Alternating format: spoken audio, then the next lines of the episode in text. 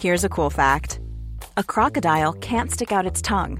Another cool fact you can get short term health insurance for a month or just under a year in some states. United Healthcare short term insurance plans are designed for people who are between jobs, coming off their parents' plan, or turning a side hustle into a full time gig. Underwritten by Golden Rule Insurance Company, they offer flexible, budget friendly coverage with access to a nationwide network of doctors and hospitals. Get more cool facts about United Healthcare short term plans at uh1.com. It's that time of the year. Your vacation is coming up. You can already hear the beach waves, feel the warm breeze, relax, and think about work. You really, really want it all to work out while you're away. Monday.com gives you and the team that peace of mind. When all work is on one platform and everyone's in sync, things just flow wherever you are. Tap the banner to go to Monday.com.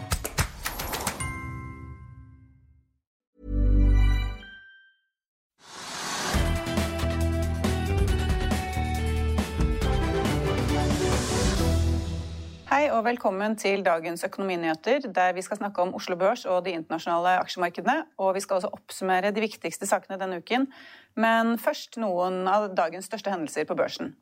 Hovedindeksen på Oslo Børs er opp nesten 1% etter en positiv uke. Børsdebutant Hynion leder an i dagens oppgang, der aksjekursen på hydrogenselskapet stiger nesten 76 Tidligere i dag var imidlertid kursen opp enda mer. Da børsen åpnet, så steg den 100 Høyt på vinnerlisten ligger også Aker Carbon, Carbon Capture, som stiger i underkant av 7% Meglerhuset Berenberg har plukket ut selskapet som en av de beste investeringene innen fornybarsektoren. Også flyselskapet Flyr stiger ved ukeslutt etter at meglerhuset Arctic tar opp dekningen. De ser for seg en dobling av aksjekursen, og dermed henter det ferske flyselskapet inn noe av nedturen fra tidligere denne uken. Dagens mest omsatte aksje er foreløpig S-banken, som stiger like under 1 og i går morges ble det kjent at DNB ønsker å kjøpe banken for 11,1 milliarder kroner.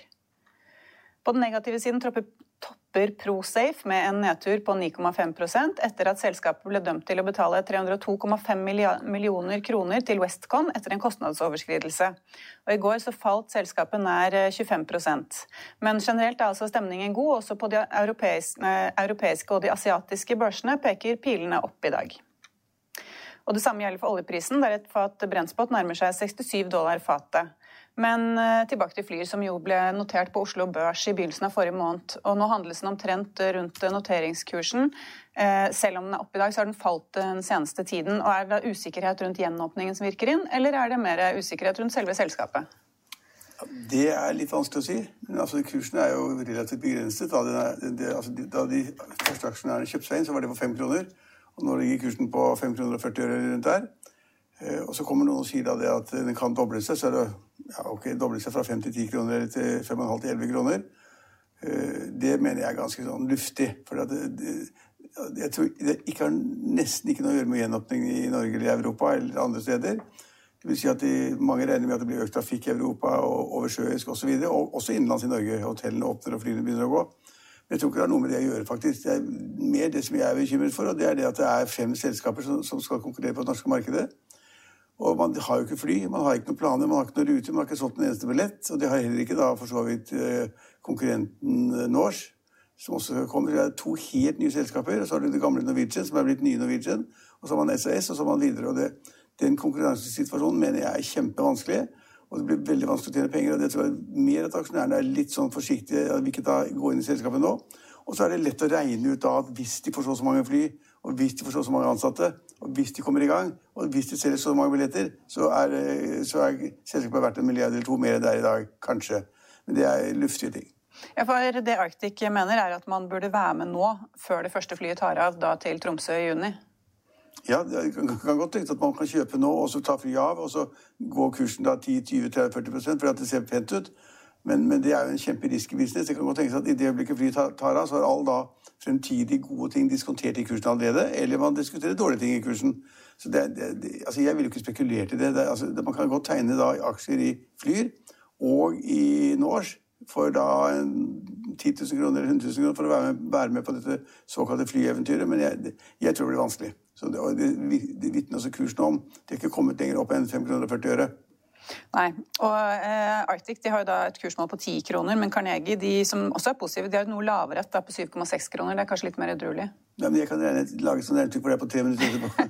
Det er bare å ta antall passasjerer og per dag eller per uke eller måned og gange med i snittpris på 200 kroner eller 500 kroner. Og så har man kostnader for fly. Hva koster det å drive et fly? Det Fuel-kostnaden er kjent. Mannskapet på så mye er kjent. Det er omtrent som en lastebåt. Du vet liksom hva de variable kostnadene er for kapteinen og styrmann og maskinsjefen og dekkgutta. Altså, det er det tall for. Så, så, man, så, det er ikke noe vanskelig å regne på. Så det er bare, Du kan bare legge inn hva du vil på regnearket. Eh, ti fly eller fem fly eller 15 fly. Eller, ja. Så jeg, jeg syns det er greit at man regner på det, for det er interessant. Men, men, men å investere penger ut fra det, det blir aldri gjort. Men nå er jo da selskapet verdt ca. 810 millioner kroner. altså Det er markedsverdien i dag. og hvis man men det blir betalt inn 600, da. Ja. Og så ser man for seg en dobling til sånn ca. 1,6 med milliarder. Men det er jo litt rart med et selskap som da har én flyreise planlagt. Eh, det er lov å regne på det. Det er vanskelig. Jeg, jeg tror det blir kjempevanskelig konkurransen vil jo bli altfor hard. Ingen, altså, de, de, de, kan ikke inngå avtaler om at altså Gamle Norwegian kan ikke inngå en avtale med Flyr eller med, med, med de andre selskapene. Med at liksom, Hvis du tar den fly, fly, prisen til Stavanger, så skal jeg ta den prisen til Bergen. Og skal vi ikke skal, liksom, skal vi samarbeide. Da blir du satt i fengsel. Så, så, det er jo da i brudd med konkurransereglene. At jeg, vi kan ikke ha et eneste møte. Vi kan ikke møtes på en flyplass og ha en sånn hviskende samtale. Ok, nå skal vi være litt, nå tar vi 500 kroner tur til Stavanger. Da tar du også 500, 550 kroner eller noe sånt. Da. Det kan de ikke gjøre. Altså, tidligere gjorde man av og til Det finnes jo masse dommer og selskaper som har samarbeidet. Internasjonalt også. Eh, skipsselskaper og store, store shippingselskaper som har gjort helt gale ting. Og i det, i, det, i det, lille norske markedet har det også vært masse tilfeller av samarbeid, men det kan man nesten ikke gjøre lenger. Alt er blitt gjennomsiktig, og vi har konkurransemyndigheter som, som sover, som ikke sover lenger. Som, som jobber, det går ikke. Nei. Det er kanskje like greit? Ja, så, så jeg er veldig for, for, at vi har et stort tilbud på flysiden. Så du kan reise til Tromsø for en rimelig pris. Hadde SAS vært monopolist i Norge i dag, som det var i en liten periode da, da, da Bråten forsvant osv., så, kunne man risikere å betale da 8000 eller 10 000 kroner for en billett tur-retur Tromsø fra Oslo. Uh, for konkurranse så er det noe helt annet, og sånn vil det være på, på de europeiske rutene og på de internasjonale rutene. Men vi har jo snakket om det litt før noen ganger. Eh, de, den type selskaper som blir notert i dag, for fly ble jo da notert i begynnelsen av mars. Det var et selskap med på en måte en idé da, om noe de skulle gjøre. Eh, det er mange av selskapene som vi ser som går på børs nå, det er vel over 20 selskaper som har gått på børs hittil i år, som går på børs nettopp med en idé og ikke noe håndfast. Er det, altså det er jo det er, litt spesielt. Det er noen, noen, ting, men altså, noen har gode ideer, og noen har også noe håndfast. Altså For å ta det selskapet som er kommet i dag, da, som er interessant, som du var så vidt innom. Hynion? Ja, Hynion, jeg vet ikke om du uttaler det nesten engang. Ja, men iallfall i alle fall så, så ble det notert på, på, European Growth i dag. Og, og ble, det står ikke noe i kurslisten ennå, da. Men poenget er at i løpet av dagen så steg da verdien 120% fra den åpningskursen i dag. Eh, og så har det falt tilbake, da, så nå er det opp 60 eller 70% Men men de har et eller annet, jeg har ikke vært og sett på, det har kanskje du vært, men altså de, har, de har en sånn hydrogenstasjon i Sandvika. Så kan man åpenbart, Jeg har ikke vært der, gå der, jeg håper det er riktig, men da kan man teoretisk gå da og tappe hydrogen og kjøre av gårde på hydrogen. Én tappestasjon. Og den ene tappestasjonen med hydrogen er da det som har blitt børsnotert nå. Så de har jo en virksomhet. Om de tjener penger man har ikke peiling på, men de, de eksisterer. De eksisterer jo. Så man kan børsnotere seg hvis man har én tappestasjon, da? ja, det, det, ser sånn ut. Det blir spennende hvordan det går, da. Men altså, markedet syns alt med hydrogen er topp blant norske investorer. Så da et selskap som driver med hydrogen og tapper, hvis det er det jeg tror det er, så er det en tappestasjon, så er det ganske spennende og morsomt. Så poenget er nå det at det er veldig interesse for å tegne da Sette penger i aksjer. Og folk regner ikke så veldig godt. Og så er det da noen som tenker at vi hadde et selskap her, det var verdt 100 eh, millioner eller 200 millioner. og Eh, hvis vi går på børsen, så kanskje markedet priser til 300-400. Og så kan da de gamle eierne helt åpent selge ut noe av det de hadde i selskapet fra før. Bli sittende med en god eierandel videre, slik at de liksom får ut en del av gevinsten som de kanskje opparbeidet da de stiftet selskapet og bygget opp. Så, så dette det er ikke noen eh, altså det er ikke en veldig vanskelig prosess. Det er noen som kommer på børs. Noen selskaper er ideer, luftig sådan, eh, og noen er litt, litt, litt ja, altså litt hva skal vi si, faste, fast, faste forhold og tall i, da.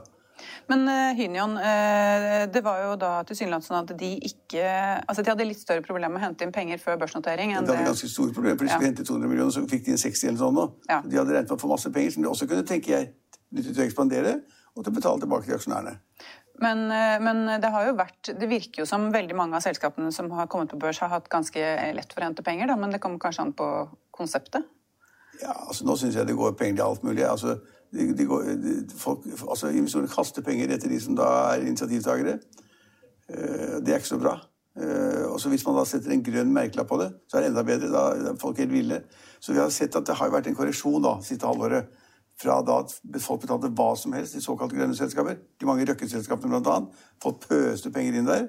fordi at Røkke sitter jo som hovedaksjonær og er med, så de tenker at Røkke er flink alltid.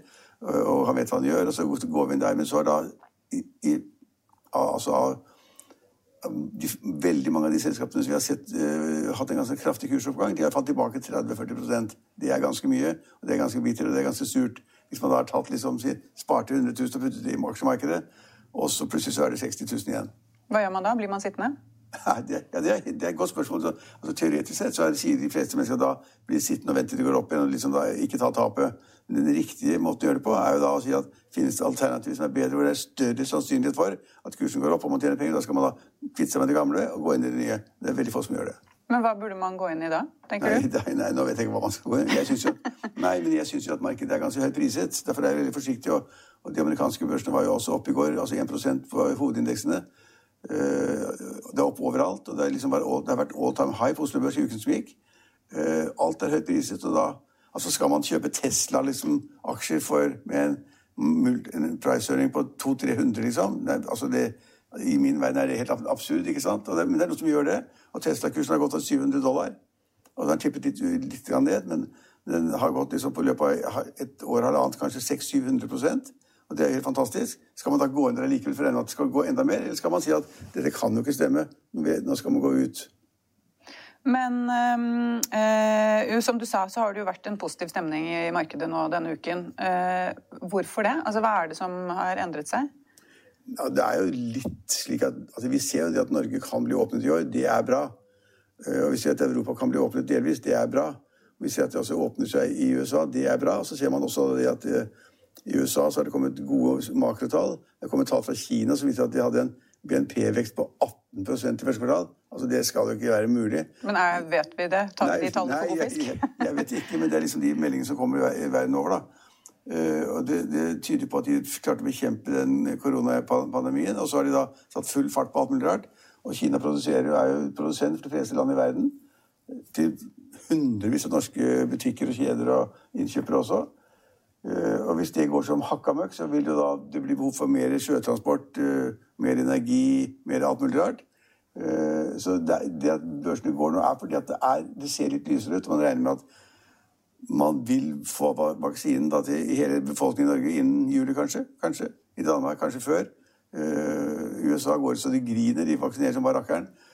Så, så det, er nok, det, er en, det, er en, tone av at man ser verden den er litt lysere, og selskapene kommer til å tjene penger. Og de som da Eh, driver hotell, de tror at hotellene kommer til å bli fylt. De som driver med flyselskaper, tror at flyene blir fylt, osv. Videre, og, og det er en positiv undertone i masse av dette. Men det ser vi jo kanskje på oljeprisen også, som er på vei opp eh, igjen, da, som ligger like under 67. Den var jo nesten oppe i 70, og så gikk den tilbake. Ja, så nå ligger den på 67 dollar per fat. Og der kommer det jo meldinger, eller OPEC da, det er ikke melding, men OPEC sier jo da at de er nesten sikre på at det vil bli brukt mer, forbrukt mer olje i verden, og det er kanskje riktig. Men vi kan ikke sitte her i Oslo og si at liksom det at det blir brukt så eller så mye. Men det har også kommet meldinger om at det, den der kjente, kjente mantraet om det at liksom folk kjører mer i Amerika altså de, liksom, de bruker bilene sine da. Om vinteren tør ikke kjøre hvis det er snø. Eh, og så kommer da kjøresesongen, som de kaller det. Driving season. Ja, og da vet man da hvor mye liksom hver bil skal bruke ganger med antall millioner av biler. Og det blir så mye økt etterspørsel etter olje og drivstoffer. Og det er sikkert riktig. Men eh, det er jo andre ting også som vi kanskje ikke snakker så mye om. men Vi har jo valutaen. altså Norske kronen er jo for så vidt ganske sterk mot euro sammenlignet med hva den har vært. Den var på 10,03 eh, da vi gikk inn i studio. Det vil jo da si at uh, For de norske kroner er jo Det var 10-17 for et par dager siden. Ja, ikke sant? Og norske kroner er jo ikke det man vil kalle for en trygg havn, selv om vi syns at norsk økonomi er veldig trygg. da. Nei, men... men det viser jo at investorene kanskje er litt mer risikovillige, da. Nei, altså det, det synes jeg er kjempevanskelig. Altså Valuta er, valuta er ingen som kan. Jeg kjenner ingen som tjener penger på valuta. Men, men, men, eh, poenget er jo det at han styrker seg litt nå. da. Den er jo, den er jo ganske sterk for ti kroner. Uh, og, og henger, som ofte så henger det sammen med at oljeprisen stiger, at oljeøkonomien er sterk. At det henger sammen med, med da, kronekursen. Det er sterk oljepris, høy oljepris, sterk kronekurs. Ja, også, det, det, som er negativt, kan være da, hvis det liksom blir veldig dårlige tider osv. Da flykter folk ut, og det har med likviditet å gjøre, flykter ut av kroner og inn i dollar eller andre sikre valutaer. Og Det er svakt for kronen. Liksom. Men akkurat nå er det jo ingen som tror det at noen skal flykte noen steder. For alle er overbevist om at liksom, da, det vil bli bedre. Og da behøver man ikke flykte fra Norge. Men hvis det var dårligere tider eh, kan vi tenke seg en teoretisk krig mellom USA, og Kina, nei, Russland osv eller ny krig i, i, i, ja, i, en eller annen øststat. Ja, det er jo noen konfliktområder akkurat nå. Men altså, hvis man tenker seg at liksom da blir virkelig alvorlig, så vil da kronen bli svekket med en gang. For da tenker folk at nå gjelder det å sikre seg en sikker valuta. Og så er det norske kronen Vi tror at vi er veldig store, men vi er ikke store, så likviditeten er litt dårlig. Så det gjelder å sikre seg fortest mulig, komme seg ut. Og I motsatt tilfelle så gjelder det i gode tider å kjøpe norske kroner. Og det er der vi er tydeligvis nå, da. Det er der vi er nå. Ja. Men er det noe annet du har sett på børsen i dag som du har bitt deg merke i? Nei, jeg ser bare at shipping fortsatt er positivt. Eh, Tørrlast er også litt opp, og Nei, altså, altså Jeg kan, bør kanskje nevne at Norwegian, de flyselskapene vi snakket om, den er altså opp 5-6% i dag. er liksom da over 60 kroner. Mm. Så det er markedet sier nå det at de tror det at Norwegian kommer ut av da refinansieringen sin med ny kapital. Det gjenstår å se. Staten skal også være inne i bildet. Det gjenstår også å se liksom, alt man får de pengene. Eh, men markedet sier at dette går bra, og dette kommer til å være bra for dagens aksjonærer. Så blir det masse nye aksjonærer, og så blir det masse nye aksjer, og det er, er det ingen som har regnet ordentlig på. Men markedet sier nå at dette går bra, kursen over 60 kroner, og det er en oppgang på 4-5 i dag. Det er bra. Så man tror ikke lenger at Norwegian står på konkursens rand, da? Nei, det er det ingen som tror, for nå får de så mye penger. De, de som sier at nå skal vi hente 6 milliarder kroner. Da tenker alle folk 6 milliarder, det må være så mye at de klarer å drive det selskapet i et halvt år, et år. Så det er ingen, ingen som tror det egentlig, at det skal gå, gå dårlig.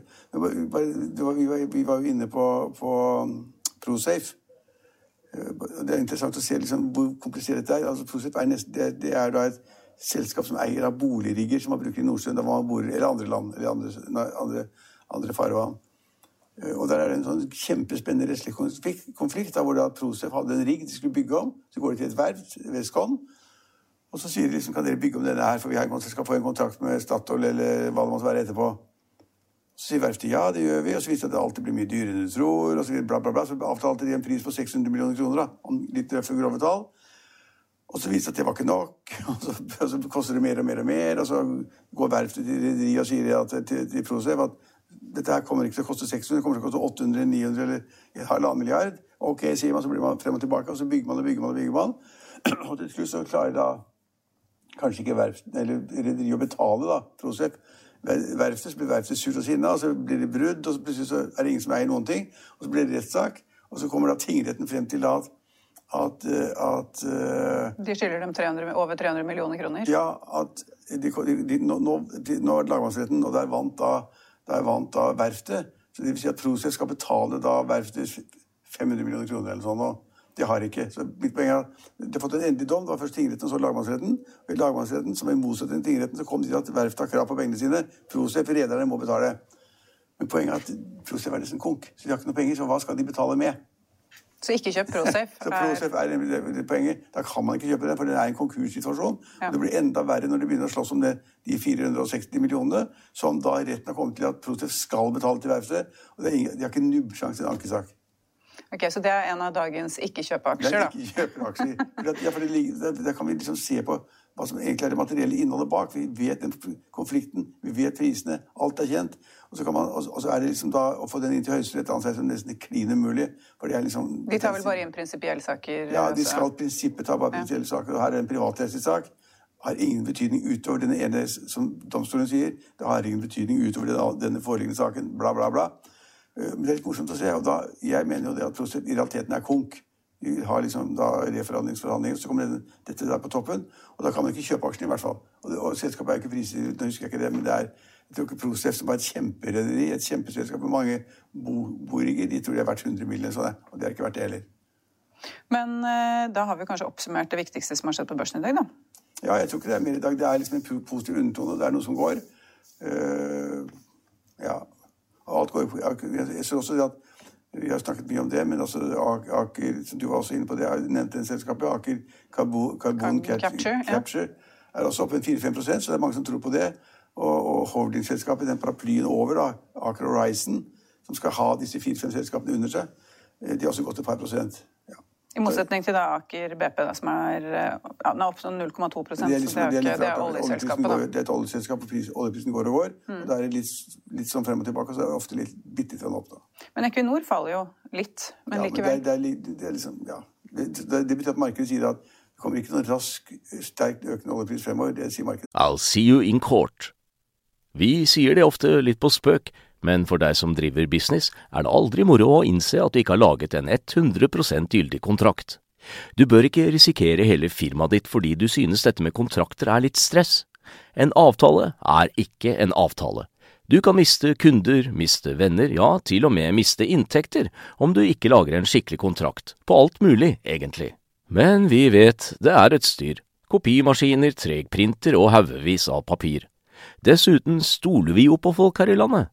Det er ofte litt kleint å skulle be om en signatur for alt mulig, ja, for mye av styret handler også om jakten på underskriften. Det finnes en enkel måte å løse dette på, Dukkobit, en trygg, effektiv og get this, gratis måte å sikre seg en god natts søvn pluss en juridisk bindende avtale. Dukkobit-appen har de strengeste sikkerhetskrav i bunn, samt en EU-godkjent og sertifisert teknologi. Framover vil det bli behagelig å spørre du, skal vi skrive under på det, eller? Kom i gang på dokobit.no. Men eh, da kan vi jo kanskje gå over til å oppsummere de viktigste nyhetene denne uken. Og eh, Jeg nevnte det jo så vidt eh, i innledningen her, men vi har jo da sett at eh, DNB Nor har lagt inn et bud på S-banken. Det er jo en stor hendelse i bankverden. Eh, og eh, vi har jo sett en, Det var jo en voldsom kursoppgang i går men eh, tror vi at det kommer en budkrig? Altså, Hva er det som skjer der? Det er jo en interessant sak. Da. For, for det første er det veldig få oppkjøp av banker i Norge. Altså De store bankene de driver med sitt, enten Nordea eller DNB. Men det, vi fikk, altså, DNB kom med et konkret tilbud. Og, betyr, og Hvis du tok da den, den tilbudet de kom med, og sammenlignet den kursen som var for to dager siden, så ble det en oppgang på 30% Altså en premium på dag, dagens kurs, som det heter, på 30 Over et halvt år så var oppgangen 50 det, er, det, det, vil man normalt si er en kjempebra premium. Og at vi har funnet den kursen, som da dagens eier i S-banken eh, er villig til å ta, ta, å, ta til takke med, eller få betalt for, den er der. Og så Det gode spørsmålet ditt er liksom, vil det bli særlig mer. Det ser jo ikke sånn ut, for da hadde kursen vært over. Altså, da hadde kursen vært over da hadde tilbudet til det, er det, 103,85 kroner. Ja, 104 kroner. ikke sant? Mm. Altså 104 kroner. Hvis markedet nå hadde trodd at andre selskaper, andre banker, ville komme på banen og kjøpe da S-banken for 11 milliarder pluss da det beløpet du mener er mer verdt, 1 milliard, 2 eller 3 milliarder mer, så ville jo kursen vært over. Så det at kursen nå på en måte ligger, ligger pal på 104 kroner, tyder på at det er ingen andre som har tenkt å nærme seg det greiene der. Men eh, både SEB og ABG de spår jo da en kursoppgang videre på S-banken. Ja, men da, da, da, sier jeg det at da, hvis det hadde vært tilfellet, hvis det hadde vært i markedet altså, hadde mistanke om eller tenkt seg på eller regnet på eller snakket med gode meglere, analytikere, som sa at det kommer helt sikkert Nordea til å komme på banen for å konkurrere med DNB. Og de kommer til å måtte betale mer enn 104 kroner, så de må betale kanskje 110 kroner eller 120 kroner. Da vil det ofte, ofte, men det er ikke noe lov, ofte så vil at man se det i kursen. Det begynner å bevege seg litt. At noen tar posisjoner, noen vet noe, tenker seg eller spekulerer i osv. I øyeblikket så, så, ser det ikke ut som noen andre gidder by, by videre. Og at DNB får da det selskapet for 11, 11 milliarder kroner, og det da, var da langt over markedskursen for to dager siden. Så det er helt fair. Men er det sikkert at de får det? Ja, de får det hvis de, de eksisterende aksjonærene vil selge.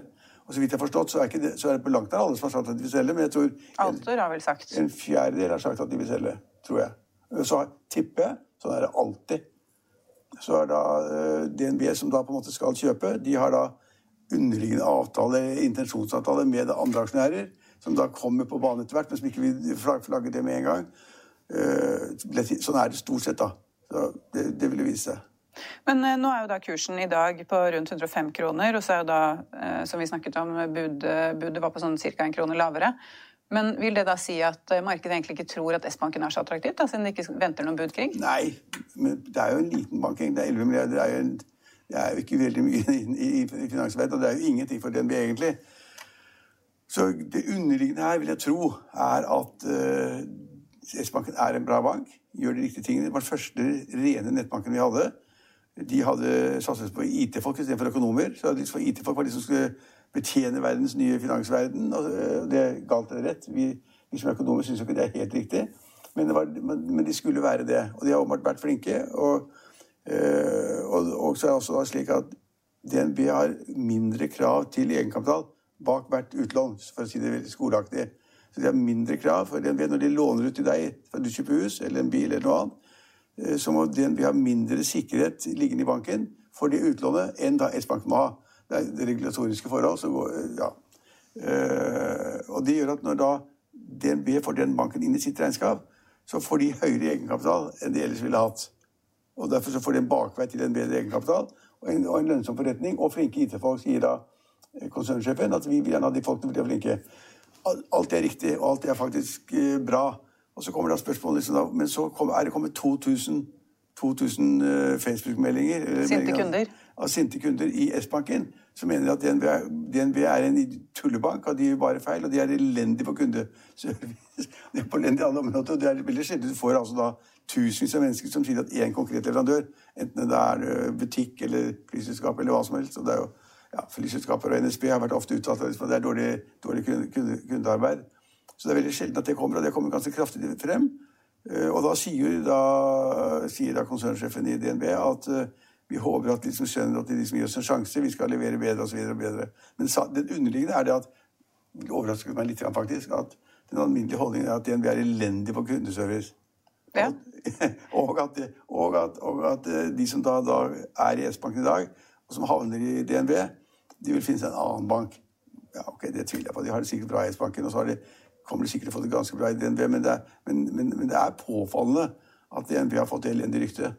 Men, eh, ja, fordi Det er jo en, eh, en, interessant diskusjon, eh, dette med bankkunder. for det er jo litt sånn at man, Vi bytter kanskje ikke bank nok da, for å få konkurransen mellom bankene riktig. altså De konkurrerer jo med renter og altså, gebyrer og sånn. Jeg, altså, jeg er DNB som, som, som bank for, for, min, for min, næring, som min nærings, næringsvirksomhet. Og så har jeg Nordea da, som privatbank. Jeg skjønner ikke hvorfor. Og jeg har ikke forandret det på 40 år. Så jeg forandrer ikke sitt drikkebank. Jeg mener det er feil også. Men altså, de fleste sier da, forbrukere og alle andre sier at bare skift bank en gang i uka. Skift hvis det skjer og det. Hvis du ikke får lavere rente, skift bank. Hvis du får høye gebyrer, skift bank. Og hvis ikke de smiler deg fossen, altså skift bank. Sånn burde det egentlig ikke være. Altså Bankforbindelse burde være noen du kan snakke med. Og det kan jeg gjøre på næringsdelen i DNB når som helst. Nå er da, har jeg da mer innskudd enn lån, så de, de syns sikkert jeg er en ganske bra kunde. Uh, men, men uh, det burde jo være et kundeforhold som på en måte man kan snakke sammen. Men S-banken er jo da en, altså en, nettbank, en digital bank. Så de snakker jo ikke med noen. Så der kan du løse alt mulig på nettet hele tiden. Og da det er klart at det er, det er litt annerledes enn DNB. Men eh, det er jo kanskje nettopp det, da, at eh, S-banken og andre banker som er nettbaserte, de virker jo mye mer eh, hva skal man si, altså De er jo mye enklere å, å, komme i kontakt med og kanskje forholde seg til. Og sånn, og det er mange kunder som syns det er utrolig behagelig. Jeg vet ikke, jeg vet, jeg vet ikke, jeg, har ikke peiling. Altså, jeg vet ikke om de får kontakt med du, du, du, du, er jo bare på nettet. Så hvis, først, hvis du skal på 500 000 eller 600 000, det er det de driver med ofte, så går du inn på nettet, og så har de helt standardprogram for de sjekker da mot din selvangivelse, mot Brønnøysundregistrene og skatteregistrene, hvor mye gjeld har og mye, hva har inntekt. Så er det standardsatser på hvor mye gjeld du kan ha, hvor mye inntekt du må ha, osv. Og, og så sier de ja til lånet ditt, og så sier du takk, tusen takk, og så står det på konto dagen etter. Men, ja. Men, eh, men... Du, du, har ikke mye mer kontakt med banken da, da. Nei.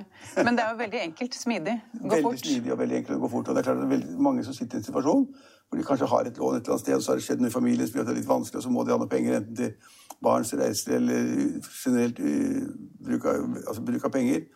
Eller erstatte et gammelt lån, et billån eller noe annet. Da, hvis de ser at det kan gå så kjempefort, og pengene står på konto, så er jo det bra. Det er, jeg, jeg, mener at det er et kjempebra tilbud. Uh, men jeg mener at det, jeg, det kan liksom ikke forsvinne i DNV heller.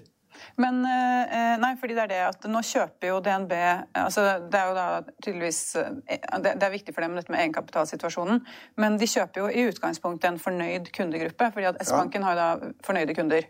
Og tjener penger. Ja, og så, får, og så, skal de da inn i DNB. Og så signaliserer jo alle disse S-banken-kundene at de i utgangspunktet misliker DNB. Eh, ja. så, så, det er jo litt sånn da, Hvis de mister alle de kundene, hva er da S-banken verdt for dem? Nå vet jeg ikke hvor mange kunder det er, faktisk. Men altså, det er ikke slik at alle som forsvinner fra banken. Det er ikke, altså, det er ikke som noen sier, at det bare er skifte, altså, skifte bank, altså, skifte underbukse.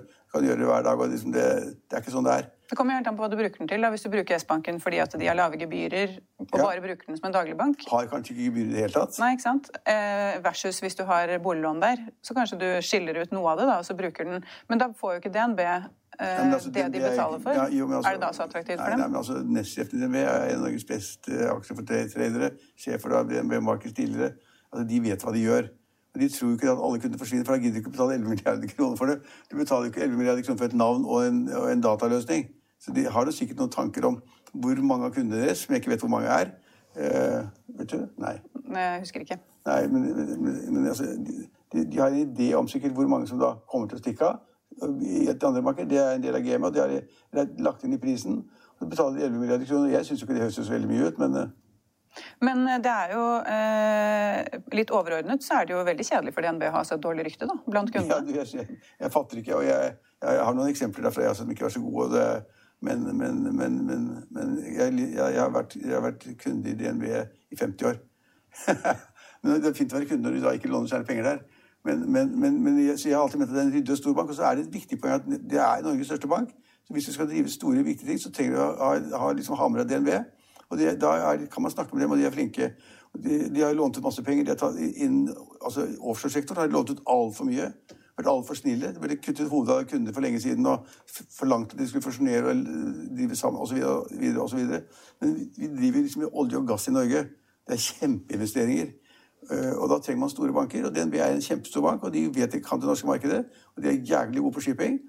Eh, så man trenger den banken også. Nå har de da funnet ut at de har for dårlig rykte, kanskje, hva vet jeg, og at de kan da kjøpe seg en liten bank som kan tilføre dem da ekspertise innen IT-teknologi, nettbank og alt det der. Og det får de på en pakke. Det er, kjempefornuftig. Men det er, det er, det er, jeg kan jo tenke meg at DNB-styret og ledelsen sitter og er litt irritert over at de har den strømmen av liksom meldinger om at de er så dårlige. Det må være irriterende. og det betyr at eh, Kanskje da eh, informasjonsdirektøren ikke er så god. Kanskje den avdelingen burde gjøres noe med. Kanskje kundeservicen er dårlig? Kundeservicen er dårlig. Kanskje du aldri kommer frem på telefonen. Jeg har ikke prøvd, men det er jo noen banker du aldri kommer frem på. Ja, eller det at de har for dårlige boliglånsrenter. Da. Altså, det er Ja, jo det, fordi det er mange som mener er at boliglån, ja, boliglånskundene burde bli flinkere til å shoppe rundt for å presse rentene ned. Ja, men altså, jeg- ja, men altså, ja, men du kan jo spare for en vanlig husholdning, da, så er jo kanskje 0,2 prosentpoeng. Det betyr jo mange tusen i måneden, kanskje? Ja, men altså, jeg, Nå er det også stor konkurranse der. ikke sant? Så Rentene er jo så like hvis du ser på de av og til. Altså, men om du da får 2,9 da på boliglånet ditt i huslånet ditt, den ene banken er 3 den andre, så det er en forskjell. Men jeg ville aldri skiftet bank av den grunn. Jeg mener at det å ha et godt forhold til banken din er bra. Men kanskje jeg er litt for forankret i næringslivsmiljøet og liksom for, hvordan det er, kontra da privatfolk som da sitter i Lofoten eller i Alta eller i, i, i Fredrikstad og skal da ha et nytt boliglån på 350 000 kroner. Da er kanskje selvfølgelig forskjell, som du sier, 0,2 eller 0,3 over tid kan bli ganske mye penger. Men, men egentlig så har det vist seg det at bankene følger hverandre, og at renteforskjellene er små. Men samtidig som kunde så kan man jo kanskje presse det litt ned, da. Hvis man Ja, ja, sitter og bruker forbrukermakten sin i større grad. Du skal grad. jobbe her for meg hver dag. Du kan ikke drive og surre med det der hver uke. ikke sant? Bank. Bruke tid på å bytte bank. Ja, Man kan ikke drive siden på det heller. De sier at det er så enkelt jeg- jeg, jeg, på jeg sier internett. dette, så vet jeg at sånne forbrukere og den type institusjoner og greier, de syns det er fælt at man sier sånn. For de sier de må presse banken din hver dag, der, der kunden har rett, alltid rett, osv. osv. Eh, det kan godt tenkes at det er, men altså Konkurranse er tøft, og det er bra. og derfor, De rentene de går mot hverandre, nærmer seg hverandre hele tiden. Liten forskjell. Ellers, Så når, så når folk sier at liksom DNB er så helt idiotisk dårlig, så egentlig lurer jeg på hva det er. jeg vet ikke, jeg har prøvd å komme meg ut av DNB før, men da ble den banken kjøpt opp, så da var jeg inne igjen. Så jeg deler jeg vil- det, det som irriterer meg i sånne tilfeller, det er, den type institusjoner, det er jo det at de ikke kommer frem. Skal spørre om noe, eller liksom få overført, noen penger et eller annet sted. Og så går du inn på nettet og så finner du det er fire-fem telefonnummer, ikke sant? og alle telefonnummer sender deg videre til andre banker eller andre nummer. Og du kommer aldri frem, og når du endelig kommer frem, så er det liksom en, en, en sånn metallstemme som sier liksom, oppgi liksom nummeret ditt, og så er det 13 sifre, og du husker jo ikke det selvfølgelig, og så skal du gå tilbake. Det, det aldri kommer frem, at du ikke, ikke da har brukt mer penger på data og, og, og kundepleie i den forstand at liksom hva, hva som foregår når man ringer og sånn, det, det er irriterende. I år 2021 så er det ganske irriterende. Og det kan, kan tenkes at det er det som provoserer folk. At de aldri hører noe, eller ser noe, eller forstår det hva som foregår. At det tar for lang tid. Eller at du ringer inn, så skal du si et ord, og så misoppfatter den det ordet, og så blir du sendt et helt annet sted. Ja, men så må du oppgi kontonummeret ditt da, hvis du kommer liksom et par skritt videre. Endelig etter en lang stund. Altså, bare oppgi kanskje kontonummeret ditt. Altså. Må opp i bank-ID-nummeret ditt, og så holder de på, så blir det masse dyr. Så det er en dårlig tilgang til bankene. Hvis, hvis folk er sure pga. det, så forstår jeg det. Men den, det raseriet mot DNB, når de skal bruke 11 milliarder kroner, som er peanuts, for å kjøpe en god, god, god bank det, sånn, sånn er jo businessverdenen. Men eh, det er jo kanskje litt sånn som Norwegian noen gang har følt på det, da, med dårlige tilbakemeldinger på Facebook. Det... Ja, Norwegian også hadde alt, altså jeg mener de hadde for mye kunder etter hvert. De klarte ikke å håndtere det. De klarte ikke å håndtere klagene. Det er bestillinger og avlyste reiser og strandede reiser og forsinkelser i reiser og oppgjør og greier. Liksom, når du får liksom én million kunder som har et eller annet system som de ikke har betalt eller skal betale, som skal nå tilbake, refunds osv., det er jo kjempevanskelig. Så at, altså, Norwegian blir, blir ganske stort, da. Men øh, ja, så det... så det er ikke så lett å drive bank, og det er ikke så lett å drive flyselskap heller. Det er faktisk lettere å drive forlag, for liksom folk får avisen sine hver dag. og det er klart, hvis vi, hvis vi en dag ikke kommer ut med avisen på dette tidspunktet om morgenen, så er jeg helvete løs. Men det er veldig sjelden det skjer, da, for at budene er så gode. og vi, De fleste avisene jobber jo sammen. Skipsted med oss og andre osv. Men vi merker jo det at folk er jo helt ville når da avisen ikke kommer. Så egentlig så er det vanskelig å drive et selskap som har med folk å gjøre? Ja, men det er alltid, det er alltid vanskelig å drive når, når du skal være eksakt. Liksom, du er vant til å få da avisen på matta hver dag klokken seks, og så kommer den ikke en dag. Da er du ganske sur. Og så reagerer man. Men heldigvis er den type ting avvik ganske sjelden. For folk reagerer med en gang. Sånn er det jo. Og, og de siste åra har folk da vært kjempeirriterte på Norwegian og flyselskapene fordi at de ikke har gjort opp for da Eller de altså, de reisende som de, de har betalt for? Som har betalt for, så ikke folk har fått tilbake pengene sine. Så har de sagt jeg skal få det snart, skal få det snart. Og så har det bare vært ljug. ikke sant? De hadde ikke penger å betale med. Så har de ventet på å få mer penger inn, og så fremdeles har kundene ikke fått oppgjør osv. Så, så da blir jo folk gærne på flyselskapene. Men jeg, jeg, kan liksom ikke si at det har vært like stor grunn til å bli gæren på DNB. Nei. Men S-banken-kundene er tydeligvis veldig misfornøyde, da. Så da får vi se hvordan ja, det, det, går med de dem. Altså, det er helt utrolig at flere tusen kunder tar seg bryet og tar seg tid til å gå inn på Facebook og skrive at DNB er en drittbank. Det er jo ganske interessant, da. Ja, Nå får vi se hva som skjer med DNB og S-banken-kundene. Ja, foreløpig har kursen ikke beveget seg noen ting, så foreløpig sier markedet at det der kommer ingen andre bud på, for da vil det begynne å gå, kursen. Og det, det øyeblikket du ser at den kursen går da fra 104 kroner til 115 eller 20, da er det noen i markedet som driver og pusler, som kanskje kjøper og får være med en oppgang, kanskje lage en gruppe som jeg kan konkurrere med dem osv. Men eh, en annen ting som har preget denne uken, og selvfølgelig alle andre uker det siste året, er jo koronasituasjonen. Og nå denne uken så ble jo da eh, Eller i dag så blir jo da veldig mange deler av Norge åpnet opp. Eh, I Oslo-området og andre steder med høye smittetall så blir du ikke åpnet opp. Og Byrådsleder Raymond Johansen hadde jo en pressekonferanse tidligere denne uken hvor han sa at det blir rødt nivå her, i hvert fall i to uker til. Hva betyr det egentlig for eh, handelen? Varehandelen, ja, altså, alt er stengt. Jeg var ute i går også, eh, og i en debatten. Altså, det, er, det, er, jo katastrofe for handelen. Altså, hvis du hadde hatt en butikk som solgte sko eller klær eller eh, hva, hva, som helst. Hva som helst. Altså, øh, kjøpesentrene sånn, som jeg sogner til, er jo massevis av butikker, gullsmeder og alt mulig rart. Og, og, og også blomsterforretning. Veldig god forresten med den oppe. Men de, de, de, de var stengt en stund, da. Og da, da visste jeg iallfall blomstene, og pengene forsvant. Eh, men, men, det er klart det er, kjempe, altså, det er kjempealvorlig for da restauranter og barer og den type middels store bedrifter med tre-fire ansatte, kanskje ti høytider osv. Alt er stengt fortsatt. Alle taper penger, og det er, det er superalvorlig. Og, og jeg syns det er litt rart at, at Ramon Hansen han er så liksom, han er opptatt av å få vaksine, selvfølgelig. Eh, fordi at man har altså store tall i Oslo. Da skal man få vaksine først. Men han kjører så steinar linje, som da er mye strengere enn de fleste andre, ser det ut som. Og det rammer næringslivet. Og det, rammer det næringslivet, så er det ikke næringslivet som sådan, men det rammer også kundene som ikke får kjøpt noe. Skal du gå og kjøpe deg en ny par sko, hvor skal du kjøpe den? Eh, det gjorde jeg tidligere i dag. På, på nett? Nei, jeg kjøpte på sånn Du satt her jobb på jobben og kjøpte sko på nettet? Nei, det var klikk og hent. Ja, ja, ja nettopp. Så da kan man uh, hente det i butikken, da. Som ikke er åpen. Jeg har sett på CCVS hvor folk sniker seg under sånne rullegardiner og så videre, mm. og betaler med kort, ja. sånn, så får de varene. Men, men, men, det er et håpløst system. og det, må, altså, det er jo ja, det er et håpløst system. Så, det er klart at, så jeg mener at de kjører veldig hardt i Oslo. Jeg, hvis man vet eksakt hva man gjør, kommer til å få vaksiner, og ved at holde stengt enda en uke eller to, vil alt bli bedre etterpå, så er det fine for meg, altså. Men Raymond Hansen er litt for ivrig.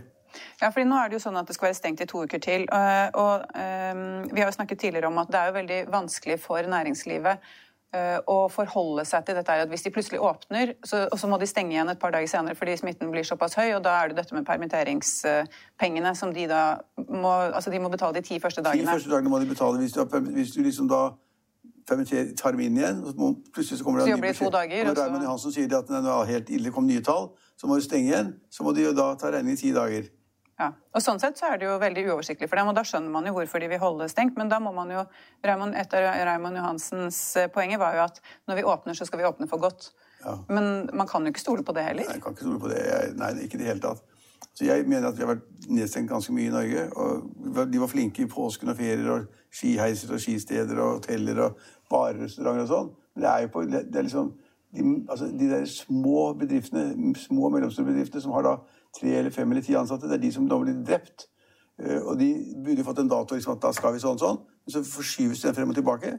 Og det syns jeg er ille. Men, men også, hvis du begrunner det med folkehelsen, og at det blir færre som blir smittet, og færre som dør, og fær- færre som får korona osv., mens man skal vaksinere, vaksinere, vaksinere, så er det en prosess. Og nå har vi holdt på så lenge. Nå har vi holdt på siden altså da 12. mars i fjor, ikke sant.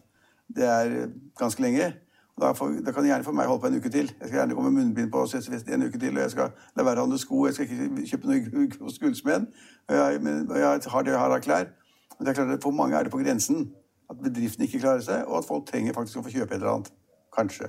Ja, Så det hadde jo vært fint hvis eh, alt kunne åpne igjen eh, om to uker, da. Jeg tror masse, mye kommer til å åpne da, for de tallene går jo ned hele tiden. Dette 0,86 R-tallet var i går sunket til 0,8. Og kanskje om 14 dager så er det nede på 0,607. Da kan de åpne hva som helst, for da dør pandemien ut. Kanskje er vi der. Men akkurat nå krangler vi om, liksom, om hvilke vaksiner vi ikke skal bruke, bruke og regjeringen, er regjeringen i utakt med liksom, Folkehelseinstituttet. Det ser det ut til å være. Men det strømmer jo inn altså, vaksiner da, av andre typer enn AstraZeneca eh, og Johnson Johnson. Og da Pfizer, som da på en måte er en av konkurrentene, de, de sa jo her forleden at liksom, Europa trengte mer. Ok, vi skal levere 1,8 milliarder doser mer enn det vi hadde i forrige uke. Så det vil bli vaksiner overalt. Folk vil bli vaksinert. Og Norge klarte seg helt utmerket uten AstraZeneca. Fordi liksom det var ikke så stor andel av totalen. Og det kommer alternativer. Så det viktigste er at vi ble vaksinert. Og når vi er vaksinert, så skal vi ha et reisepass som da gjelder for hele Europa. Slik at tyskerne kan komme hit, vi til Tyskland, Sverige kan komme hit, vi til Sverige, danskene kan komme hit, vi til Danmark. Uten å måtte spørre noen. Ha ett pass som gjelder hele Europa, men ikke ut av EU og over sjøisk. Men innen Europa bør vi få et pass, slik at da våre venner i utlandet kan komme da og reise på, på, på kysten og oppover til, til Kirkenes hvis de vil det. Og at vi da kan reise til, over hele Sverige og besøke hyttene våre. Mange folk har jo hytter i Sverige som er ti minutter over grensen og har ikke vært der på to år. Men eh, nå har de jo sagt at hvis eh, AstraZeneca og Johnson Johnson ikke blir eh, erstattet med noe, så er det, ligger det an til åtte til tolv ukers For forsinkelse. noen aldersgrupper. Ja, for Nei, det er min ikke riktig. aldersgruppe. For, ja, for, ja, hvis du er så ung. Men Noen aldersgrupper så vil det bli noen uker. Men for, altså, Ja. for eksempel i min aldersgruppe så blir det sagt det at eh, hvis det da bare stopper begge de, som du sier, det er jo interessant, så er det ingen forsinkelser for da min aldersgruppe i det hele tatt. Nei. Så det blir kjempefint for dere til sommeren. Kan alle over 70 reise rundt og gå på Ja, ja, da, da, da, kan dere, da kan dere sitte på huk og kan bade med ungene dine der ute. Og så er jeg da liksom i Nis eller Barcelona. Ja, nemlig. ja, nei, men vi får håpe at uh, vaksinene kommer til min aldersgruppe også før De kommer sommeren. helt sikkert før sommeren, det Ja, tror jeg. eller i hvert fall før høstferien. da. Ja, de kommer, de kommer i løpet av sommerferien, det er jeg sikker på. Ja, Da krysser vi fingrene for det. Og det var det vi hadde i dag. Vi er tilbake på mandag klokken halv fire. Ha en strålende helg.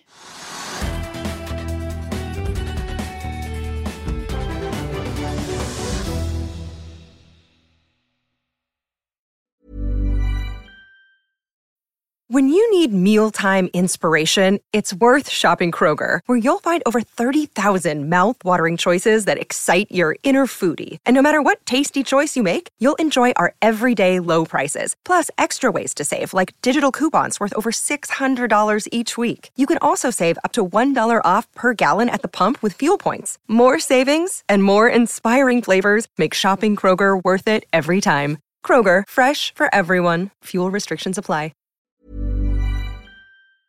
Økonominyhetene er en podkast fra Finansavisen. Programledere er Marius Lorentzen, Stein Ove Haugen og Benedikte Storm Bamvik. Produsenter er Lars Brenden Skram og Bashar Johar. Og ansvarlig redaktør er Trygve Hegnar.